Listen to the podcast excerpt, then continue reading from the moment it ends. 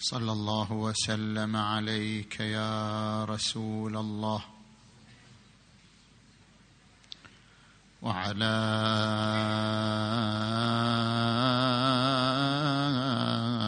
أهل بيتك المنتجبين يا ليتنا كنا معكم. فنفوز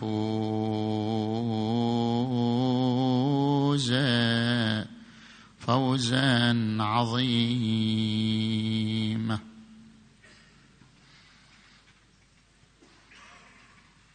ادرك تراتك أيها الموتور. فلكم بكل يد دم مهدور.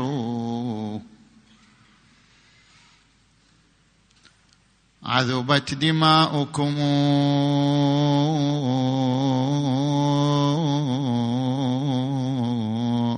للشارب علها وصفت فلا رنق ولا تكدير.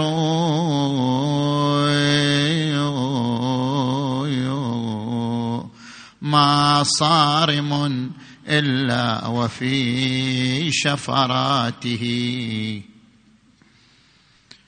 نحر لآل محمد منحور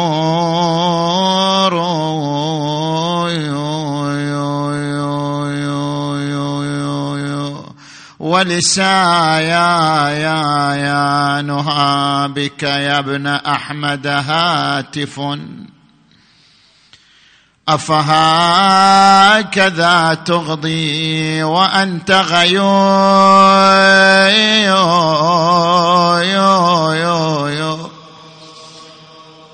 غيور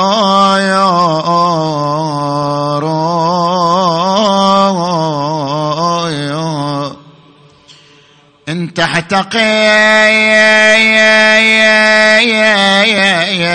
قدر العدا فلربما قد قارف الذنب الجليل حقير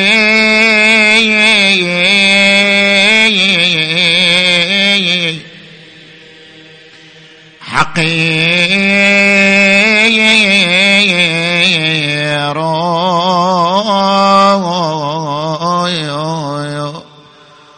أو أنها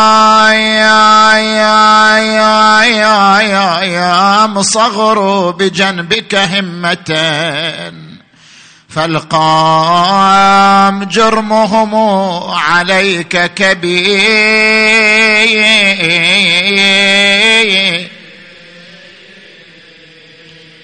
كبير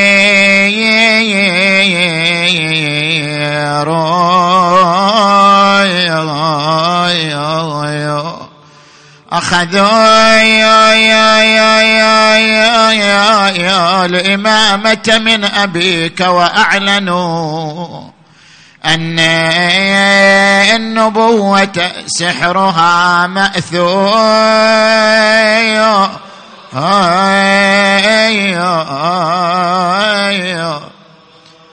مأثور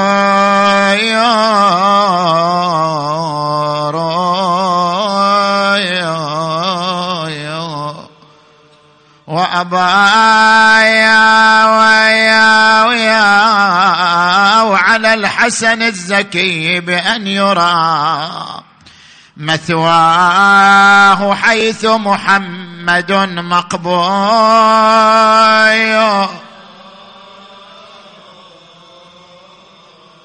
مقبول.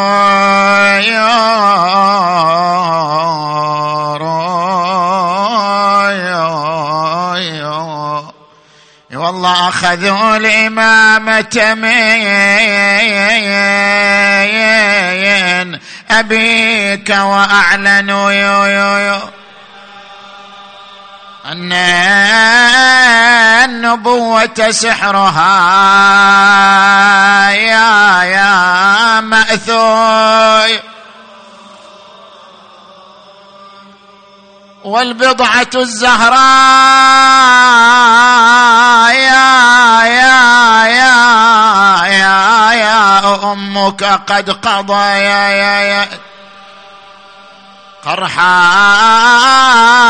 الفؤاد وضلعها.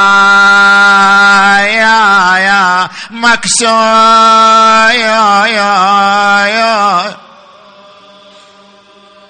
وأبوا على الحسن الزكي. بأن يرى يا يا يا.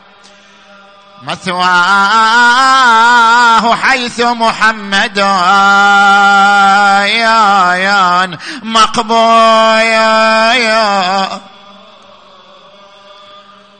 واسأل بيوم الطاء يا يا يا يا يا يا في جدك إنه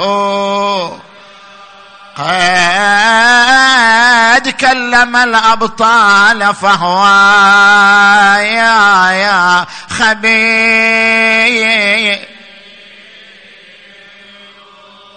والله طالت الغابة والقلب منا اشتعل نار. جناك ما تدري إيش صاير.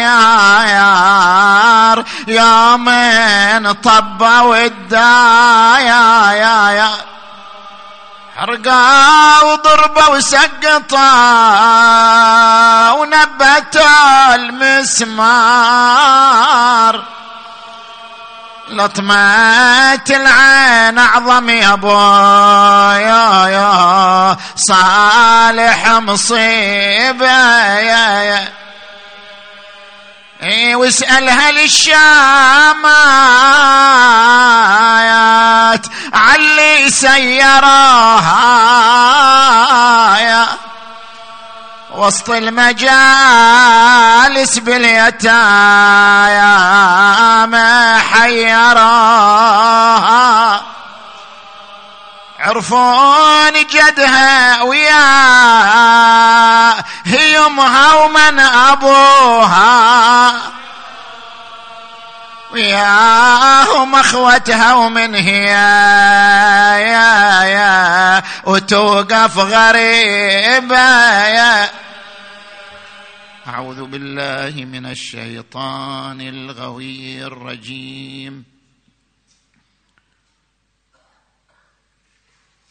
ورد عن النبي محمد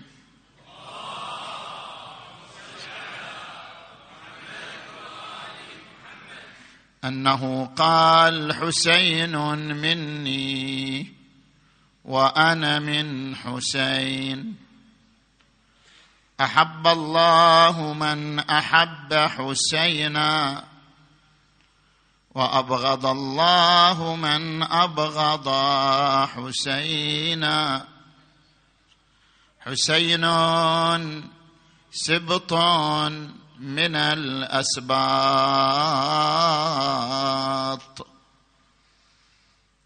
صدق الرسول الكريم.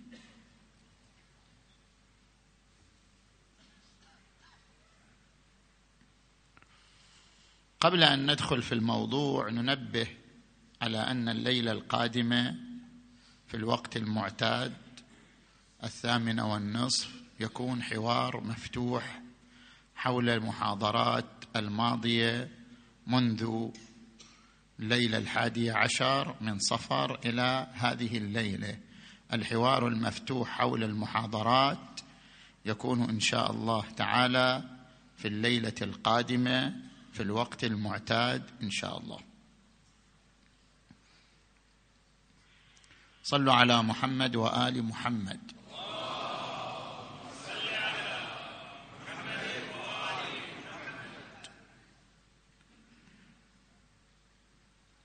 إذا نظرنا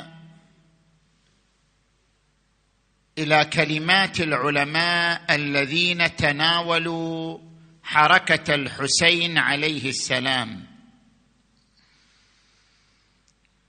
فنرى أن هناك اختلافا في تحليل مشروع الحسين وفي تحليل حركة الحسين عليه السلام.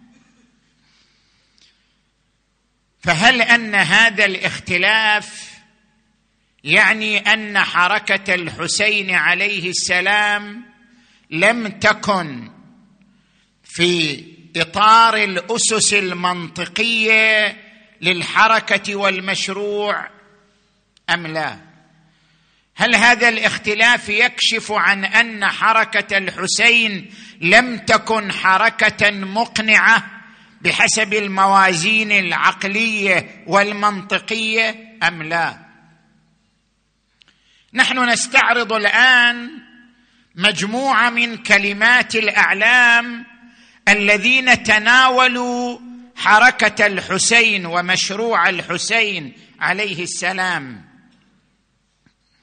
التحليل الأول أن حركة الحسين تتلخص في طلب إحدى الحسنيين إما الشهادة وإما الانتصار بجمع قليل من الرجال. هذه النظرية طرحها السيد المرتضى علم الهدى في كتابه تنزيه الأنبياء في صفحة 177 ذكر السيد المرتضى علم الهدى رحمه الله أن الحسين عليه السلام قال لعمر بن سعد اختاروا مني ثلاث إحدى ثلاث اختاروا مني إما أن أرجع إلى المكان الذي جئت منه أنا جئت من المدينة أرجع إلى المدينة وإما أن أضع يدي في يد يزيد بن معاوية وهو ابن عمي ويرى في رأيه أروح أبايع يزيد بن معاوية وهو ابن عمي ويحكم رأيه في وإما أن تسيروني إلى ثغر من ثغور المسلمين فلي ما لأهله وعلي ما عليهم. تختار واحدة من ثلاث. السيد المرتضى يكمل الرواية يقول فبعث عمر بن سعد إلى عبيد الله بن زياد يخبره بكلام الحسين أن الحسين ترى ما عنده لا ثورة ولا حركة ولا شيء. حسين قاعد يقول يا تخلوني أرجع المدينة يا تخلوني أبايع يزيد بن معاوية يا أنه تسيروني إلى ثغر من ثغور المسلمين فلي ما لأهله وعلي ما عليهم. وصلت الرسالة إلى عبيد الله بن زياد. قال الآن قد علقت مخالبنا به. يرجو النجاة ولا تحين مناصي.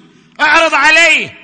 إما أن يأتيني صاغرا أو المناجزة. ما في. الآن ما في مجال للخيار. إما أن يأتيني صاغرا يأتيني أنا وليس يزيد بن معاوية. إما أن يأتيني صاغرا أو المناجزة.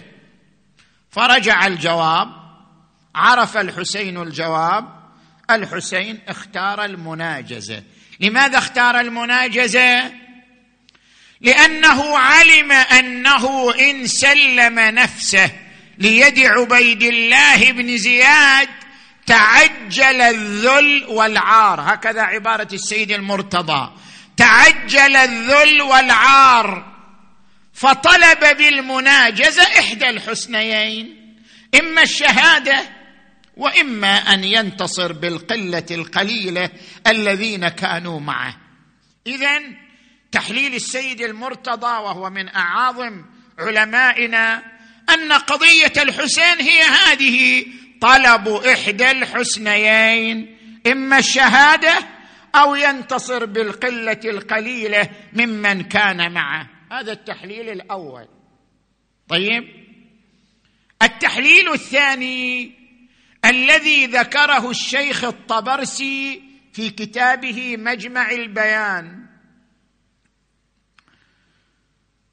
شيخ الطبرسي في كتابه مجمع البيان في تفسير القرآن في الجزء الثاني من هذا الكتاب تعرض إلى حركة الحسين بالمناسبة.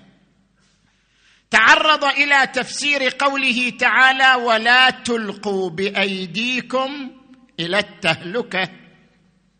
فقال المستفاد من هذه الآية أنه لا يجوز للإنسان أن يلقي بنفسه فيما يخاف منه على نفسه بل يجوز للإنسان ترك الأمر بالمعروف والنهي عن المنكر إذا خاف منه على نفسه.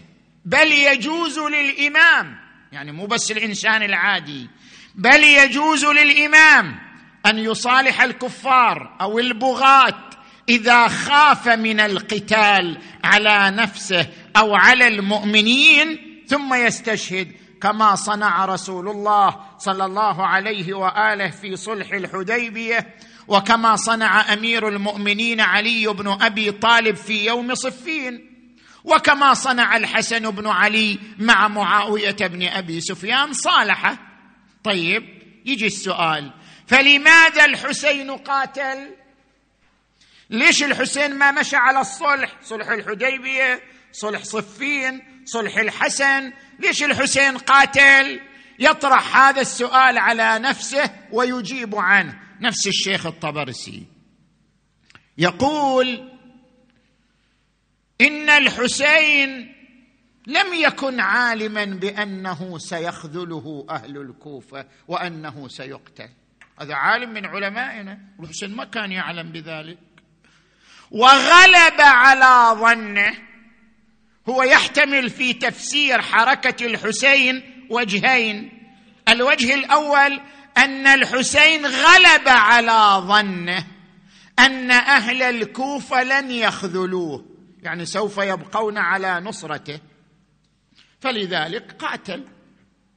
ظان بأنه ما رايح يقتلوه. زين؟ ولا رايح أهل الكوفة يخذلونه. أو أن الحسين عليه السلام رأى أنه إن لم يقاتل قتله عبيد الله بن زياد صبرا. يعني يؤخذ اسيرا ويقتله عبيد الله بن زياد اسيرا صبرا. فتخلصا من الخزي والعار قاتل. اذا نلاحظ أن الشيخ الطبرسي في مجمع البيان يلخص لنا القضية في مسألة عار. حسين حتى يتخلص من العار قاتل لأنه لو لم يقاتل لقتله عبيد الله بن زياد صبرا وفي ذلك الخزي والعار. تخلصا من العار قاتل. هي كلها تتلخص في هذه النقطة. هذا التحليل الثاني. التحليل الثالث عندما نرجع إلى الوراء قليلا نرجع إلى الشيخ المفيد عليه الرحمة. طبعا الشيخ المفيد علم الطائفة شيخ الطائفة. زين؟ لا غبار من ناحية الشيخ المفيد. يمكن نختلف في الشيخ الطبرسي بس ما حد يختلف في الشيخ المفيد. رأس الطائفة الإمامية علم الطائفة الإمامية. زين؟ شيخ المفيد كيف تناول الموضوع؟ الشيخ المفيد له كتاب المسائل العكبرية. يذكر في هذا الكتاب صفحة تسعة وستين. يذكر هذه النقطة. سائل يسأله يقول له قام إجماعنا. مو إحنا نقول الآن هالشكل؟ هو قال يقول الشيخ المفيد ذاك الوقت. قام إجماعنا. يعني إجماع الإمامية.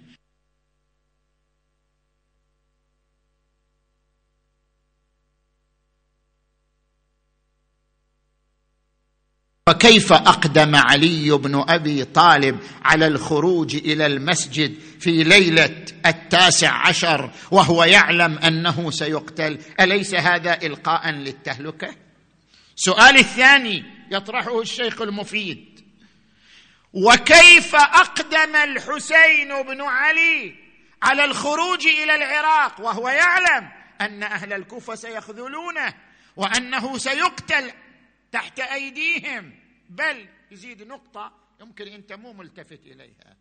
يقول إذا كان الإمام يعلم بما كان وما يكون أما كان يعلم أن الماء تحت ما يحتاج يروح المشرعة ويدري بعد ما يحتاج يروح المشرعة ويقاتل حتى يحصل ماء يحفر الأرض ويخرج الماء لكي لا يتلف نفسه وأهل بيته عطشا وظمأ. إذا كان يعلم بما كان وما يكون. أما كان يعلم أن الأرض تحت رجليه أن الماء تحت رجليه. لو حفر لأخرج الماء وسقى نفسه وعياله وأنقذهم من التلف.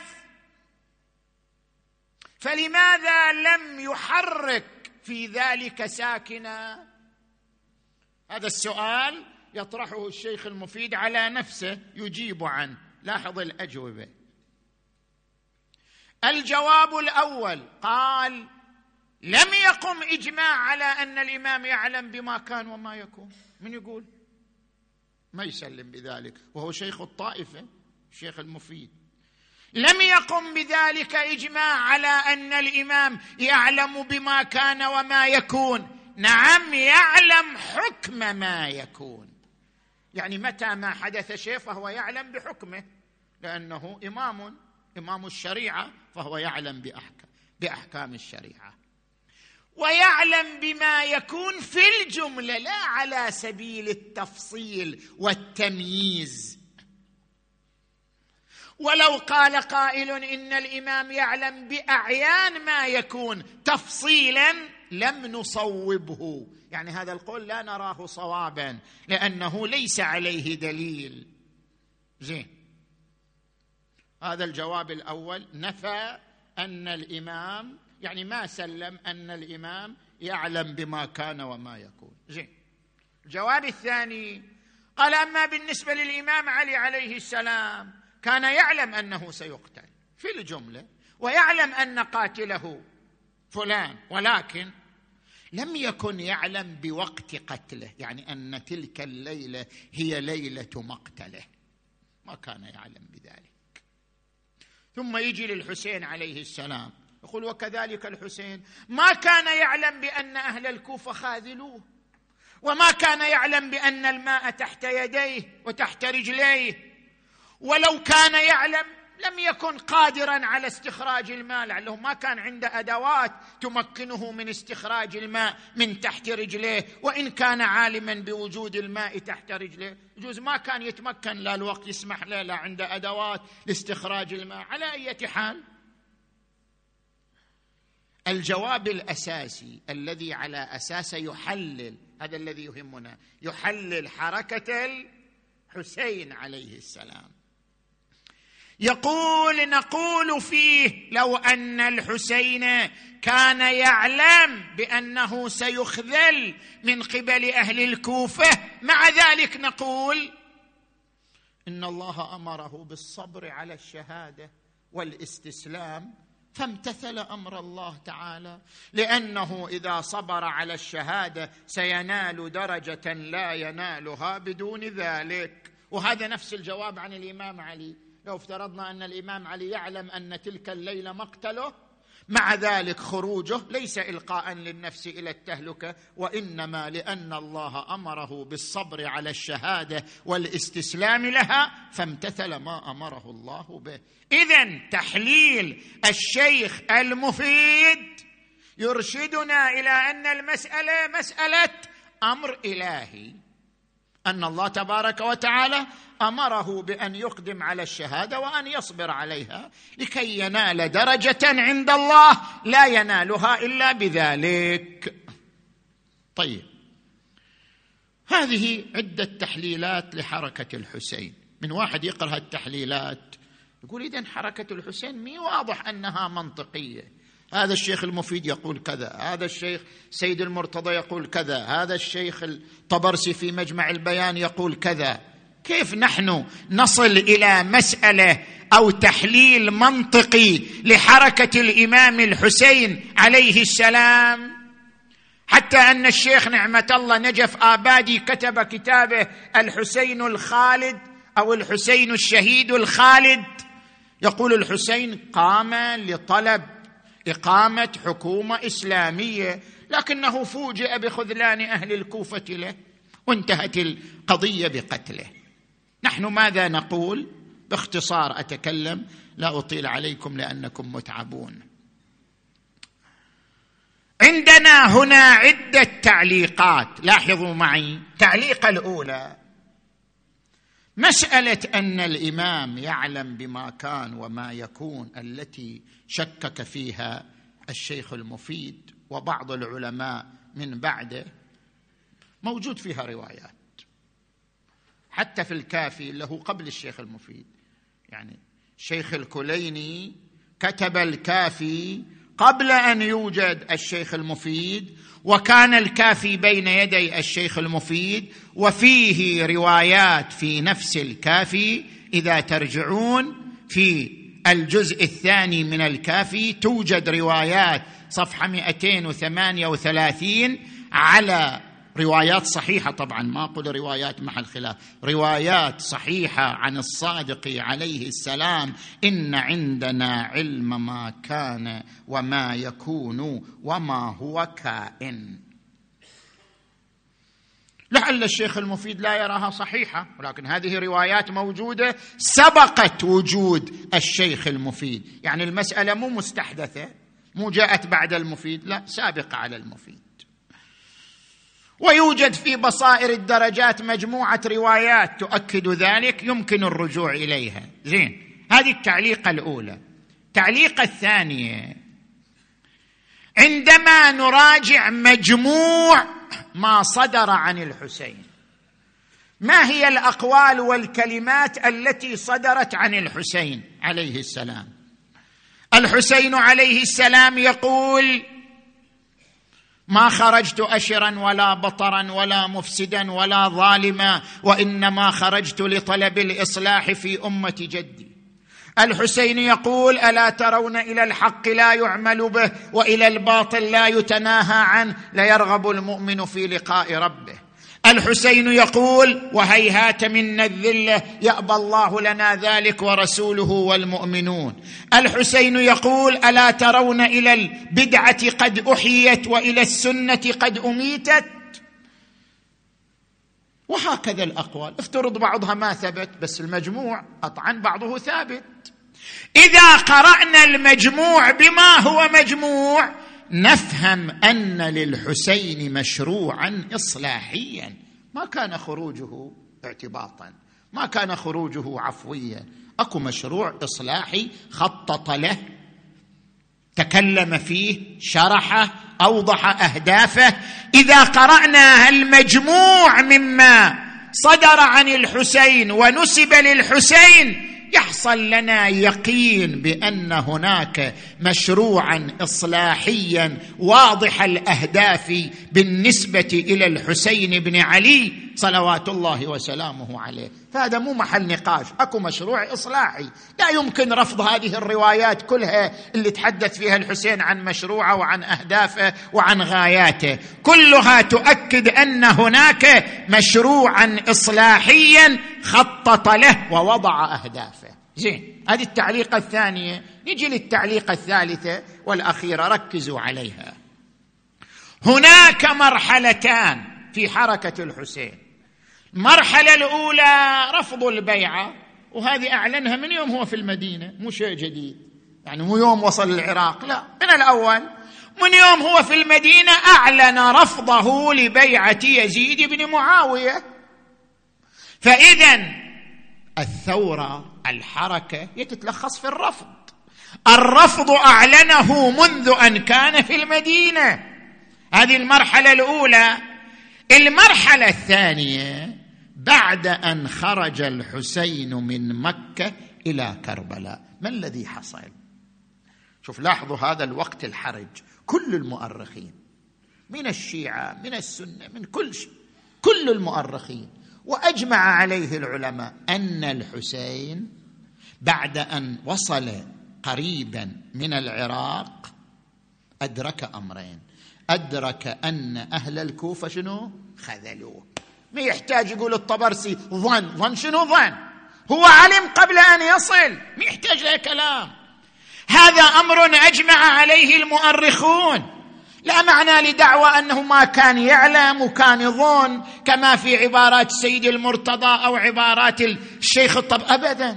الحسين علم بمقتل مسلم بن عقيل قبل أن يصل وعلم بأن أهل الكوفة خذلوه قبل أن يصل وعلم بأنهم خرجوا جيوشا لعبيد الله بن زياد قبل أن يصل. كل ذلك علم به. خلينا من الإمام ما يعلم ما كان وما يكون. افترض مو إمام. افترض ما عنده علم ما كان وما يكون. واحد عادي بس هو علم. قبل أن يصل إلى العراق علم. علم أن أهل الكوفة خذلوا. علم أن مسلم قتل. علم أن هناك جيشا كبيرا خطط له عبيد الله بن زياد لمواجهته. كل هذا علم به. حتى له إنسان عادي العلم حصل له قبل ذلك. فلماذا واصل الطريق؟ ولماذا أصر على مواصلة الطريق؟ مع أنه علم بخذلان الأرضية التي كان يستند إليها علم بخذلانها وتراجعها. لماذا واصل الطريق؟ طيب هذه المفردة الأولى التي علم بها. المفردة الثانية الناس تفرقوا عنه. المؤرخون أجمعوا على أن الحسين تفرق الناس عنه. كان معه آلاف. سافترض العدد مبالغ فيه؟ بس معه عدد. وأنه لما وصله خبر مسلم وعرف من معه شنو؟ تفرقوا عنه. ولم يبق معه إلا اثنان وسبعون من غير بني هاشم والبقية من بني هاشم. على أكثر الروايات 120 يعني المجموع من بني هاشم ومن غيرهم 120 شخص. طيب فلماذا أقدم؟ وقد تفرق عنه الناس وكان بإمكانه أن يرجع. المسألة تحتاج إلى تحليل وأنه غلب على ظنه وبعدين تفاجأ ما فيها تفاجأ لا تفاجأ ولا غلب على ظنه. ولا أنه الإمام ما يعلم ما كان. افترض الإمام ما يعلم بس هو علم علم أن أهل الكوفة خذلوه. علم أن هناك جيشا لقتاله. علم أن الناس تفرقوا عنه. ومع ذلك أصر على مواصلة الطريق. لماذا؟ لماذا أصر على مواصلة الطريق؟ هل من المعقول أن الحسين بعد ذلك واصل حتى يقيم حكومة؟ يعني حكومة تصير بشهر وشهرين وب 120 شخص هذا يدخل في عقل من؟ يعني لنفترض أن الحسين رجل عادي بس كان يفهم الأمور على الأقل. لا يمكن لشخص يخطط لإقامة حكم في ذلك الوقت أن يقيمه بهذه العجلة صح؟ 120 شخص أريد يقيم حكم. ما يمكن. هذه ما تدخل في عقل. بحسب الحسابات المنطقية لا يمكن أن نتصور عقلا أن الحسين بعد أن علم بكل ذلك أصر على مواصلة الطريق من أجل إقامة حكم. فإن إقامة الحكم تحتاج إلى عدة تحتاج إلى عتاد تحتاج إلى رجال تحتاج إلى أن يرسل رسل إلى الأمصار يحتاج إلى سنين حتى يهيئ الأمر كذلك. لا يمكن بعجالة شهر أن يحقق ذلك. هذا أمر لا يقبله العاقل لا يقبله المنطق السليم. اذا ما هو الهدف؟ والحسين ليس إنسانا عاديا. الحسين عاشر أباه وعرف قيادته وعاشر أخاه وعرف قيادته بل رأى الأوضاع المتقلبة منذ مقتل أبيه إلى مقتله. فهل يمكن أن يقدم مع معرفته بالأوضاع ومعرفته بالأمور؟ هذا غير ممكن. اذا القراءة المشهورة لحركة الحسين هي القراءة المنطقية. أن الحسين قدم دمه قربانا للمبادئ. أن الحسين يعلم بقتله يعلم بالخذلان يعلم بكل ذلك. قدم دمه بكل شجاعة وبكل شهامة وبكل تضحية وبكل إرادة. قدم دمه قربانا لمبادئه. رأى أنه لا سبيل إلى تحريك إرادة الأمة ولا سبيل إلى إيقاظ ضمير الأمة ولا سبيل إلى تنبيه الأمة لقيمة المبادئ وقيمة القيم إلا بتضحيته وبتقديم دمه. هذا هو. اذا القراءة المشهورة بين علماء الشيعة أن الحسين يعلم حتى لو ما كان إمام إنسان عادي هو علم. أن الحسين يعلم بأنه سيقتل ويعلم بخذلان الناصر ومع ذلك أقدم على المعركة بقوة إراده بقوة تحدي بعزم وصبر وحزم. إنما أقدم على ذلك لعلمه أن الانتصار للمبادئ لا يكون إلا بهذا الطريق. وأنه لا يمكن إيقاظ ضمير الأمة وتحريك إرادتها إلا بهذا الطريق. ولذلك ورد عنه في خطاباته صلوات الله وسلامه عليه أنه قال ألا وإني زاحف. أنا ما أنا متردد. أنا ماشي. ألا وإن مو بس أنا بنفسي لا حتى بأسرتي. اذا واحد بالمنطق الاعتيادي. أكو واحد يقدم اسرته للموت؟ ما يقدم اسرته يقول لك خلي الموت يصير علي. خلي أسرتي تسلم. مع ذلك لا. رأى أن الهدف أكبر. الهدف أكبر منه أكبر من أسرته وأكبر ممن معه. الهدف يحتاج إلى هذه التضحية الجماعية التضحية العامة. وقد عبر عنها بكل وضوح. ألا وإني زاحف بهذه الأسرة. زاحف بها مع قلة العدد وخذلان الناصر. وأيم الله لا تلبثون بعدها إلا كريثما يركب الفرس حتى تدور بكم دور الرحى وتقلق بكم قلق المحور. عهد عهده إلي أبي عن جدي رسول الله صلى الله عليه وآله.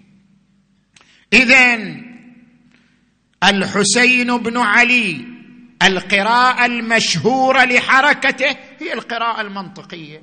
شخص أقدم على بذل دمه ودم أهله وأسرته لأنه رأى أن الانتصار للمبادئ لا يتحقق إلا بذلك.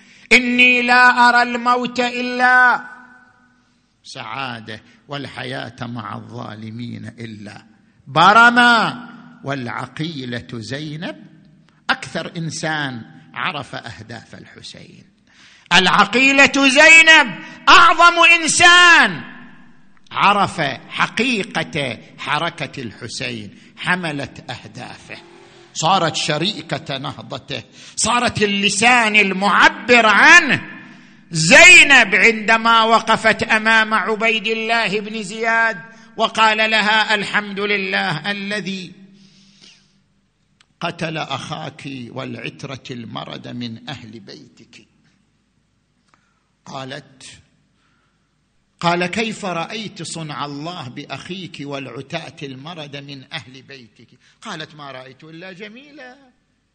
ما رأيت إلا جميلا. هؤلاء قوم كتب عليهم القتل فبرزوا إلى مضاجعهم وسيجمع الله بينك وبينهم فتحاج وتخاصم. فانظر لمن الفلج يومئذ.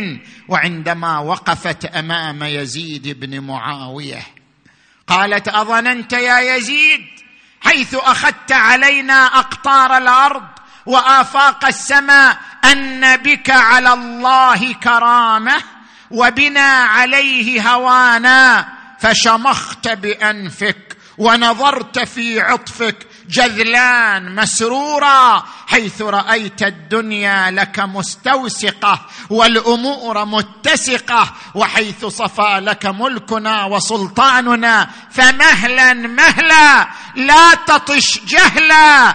ألم تقرأ قول الله تعالى إنما ولا يحسبن الذين كفروا أنما نملي لهم خير لأنفسهم إنما نملي لهم ليزدادوا إثما ولهم عذاب مهين فكد كيدك واسع سعيك وناصب جهدك فوالله لا تمحو ذكرنا ولا تميت وحينا وإن رأيك إلا فند وجمعك إلا بدد وايامك إلا عدد. يوم ينادي المنادي ألا لعنة الله على الظالمين؟ زينب. وما أدراك ما زينب. حملت المسؤولية وقارعت الأعداء وخطبت في مجالس الظلمة وشرحت أهداف ثورة أخيها الحسين عليه السلام وتقلدت خطر هذا الموقع بكل بساله بنت علي وفاطمة. بأبي التي ورثت مصائب أمها فغدت تقابلها بصبر أبيها. لم تله عن حفظ العيال وجمعهم بمصاب إخوتها وفقد بنيها. تحملت. زينب مو فقدت أخاها فقط حتى أولادها. أولادها افلاذ كبدها فقدتهم شهداء في كربلاء. ولكنها لم تذكر أولادها في كلمة واحدة. ولا يوم. شوف هذا المؤرخين أمامك. ولا مؤرخ قال أن زينب نعت أولادها. ابدا. أولادها افلاذ كبدها. قتلوا. ما نعتهم. ولا ذكرتهم. ولا يوما من الأيام بكت عليهم. لم يكن في ذهن زينب إلا الحسين الحسين الحسين. لأن مشروعها مع الحسين. لأن نهضتها مع الحسين لأنها عرفت أن النتيجة والمحورية هي في الحسين عليه السلام فما كانت تذكر إلا الحسين وما كانت تندب إلا الحسين وما كانت تهتف إلا باسم الحسين عليه السلام. وعلى بعض الروايات طلبت من السجاد أن يطلب من النعمان بن بشير أن يمر بالركب على كربلاء لنجدد عهدا بأحبتنا وأعزائنا. فجاءوا إلى كربلاء نزلوا في ذلك الوادي أقبلت العقيلة زينب. ها أقبلت إلى قبر أبي عبد الله الحسين جلست عنده وضعت يديها على القبر.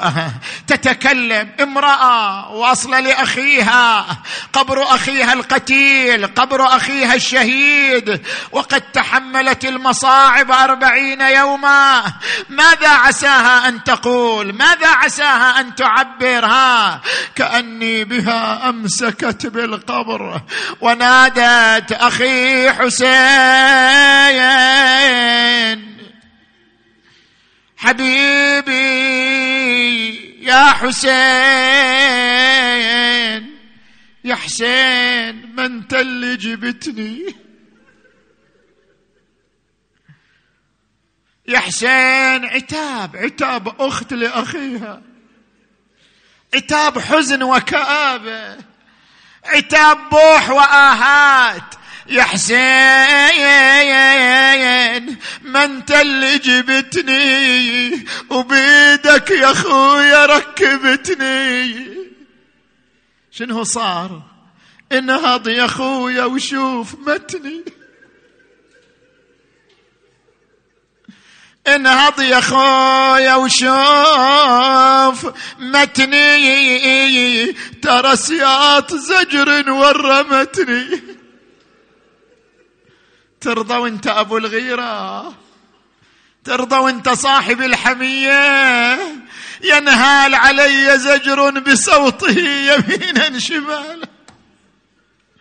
ومصيبتا بعد بعد عند زينب آه أخرى ابن أخي. أين دفنت حبيبي أبا الفضل العباس؟ هذا قبر أخي الحسين. هذا قبر علي الأكبر. هذا قبر القاسم. لكن أنا أريد حبيبي أبا الفضل العباس. أين دفنته يا ابن أخيه قال تعالي معي. ترى زينب ما تقدر تمشي على رجلها. زينب المصائب هدت بدنها. المصائب أوجعت بدنها. ما تقدر تمشي على رجلها يمسك زين العابدين بيديها. وجابوها الحزينة الكئيبة. وين؟ جابوها إلى المشرعة. يا عقيلة النساء هذا قبر أبي الفضل العباس. الله أكبر الله أكبر ها. كأني بها انكبت على القبر أخي. ترى العباس تربية زينب ها. زينب أكبر من العباس بسنين كثيرة. العباس طفل تربى على يدي العقيلة زينب. ولذلك تحبه تحنو عليه تحن إليه كأني بها انكبت على قبره ونادت وأخاه وعباسا إيه يصور لنا الشاعر ها. شنو قالت يوم وقفت عند قبر أبي الفضل؟ ش قالت؟ أنا منين أنا منين أبو فاضل جعده أنا منين أبو فاضل جعده واركب جفوفه فوق زنده. إيه وقل الحرم صارن بشدة. إيه وقل الحرم صار يا يا يا صار بشدة. خذوا لكم أنتم خذوا. خذوا من هذا التراب تراب قبر الحسين تراب قبر أبي الفاضل خذوه إلى المدينة خذوه إلى أم البنين خذوه إلى بني هاشم خذوا لك أيام من دم الأحباب تحفتكم وخاطب الجد هذه تحفة السفر. يا رسول الله لو عاينتهم وهم ما بين قتل وسباء إن شاء الله الليلة القادمة يكون حوار مفتوح. إن شاء الله تحضرون للمشاركة في الأسئلة والمناقشة. موفقين إن شاء الله في الوقت المعتاد الساعة الثامنة والنصف. اللهم صل على محمد وآل محمد. اللهم بالحسين الوجيه وجده وأبيه وأمه وأخيه والتسعة من بنيه. اللهم اغفر ذنوبنا واستر عيوبنا وكفر عنا سيئاتنا وتوفنا مع الأبرار. اللهم اشف مرضانا ومرضى المؤمنين والمؤمنات خصوصا المرضى المنظورين يا الله. واقض حوائجنا وحوائجهم يا أرحم الراحمين.